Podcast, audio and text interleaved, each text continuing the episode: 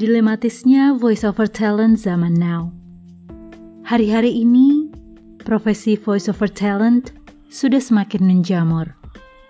Ada banyak komunitas, talent management, berikut influencer yang kerap memberikan bimbingan dan kelas berbayar.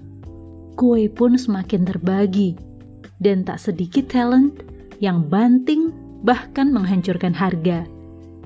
Empat tahun ini menjalani freelancer voiceover talent, bisa dibilang proyek yang saya dapatkan sangat bervariatif.